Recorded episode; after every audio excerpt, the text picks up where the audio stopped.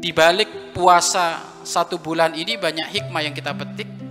Di antaranya satu hikmahnya adalah kita bisa mendidik hawa nafsu kita. Karena di saat puasa seperti itu hawa nafsu tentu teratasi. Karena hawa nafsu itu tunduk hanya bisa dengan lapar. Lapar, haus, hawa nafsu itu.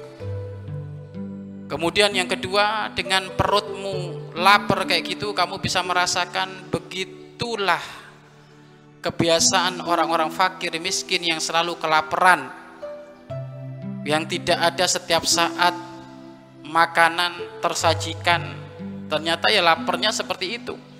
Maka sisi lain maka akan muncul sifat ada di situ tidak boros.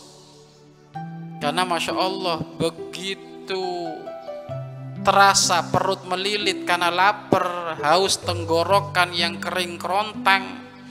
Maka ini semuanya memberi pemahaman kepada kita kehidupan orang fakir miskin begitu susah. Maka dari sini kita akan bersyukur, mudah bersyukur kepada Allah Subhanahu wa taala.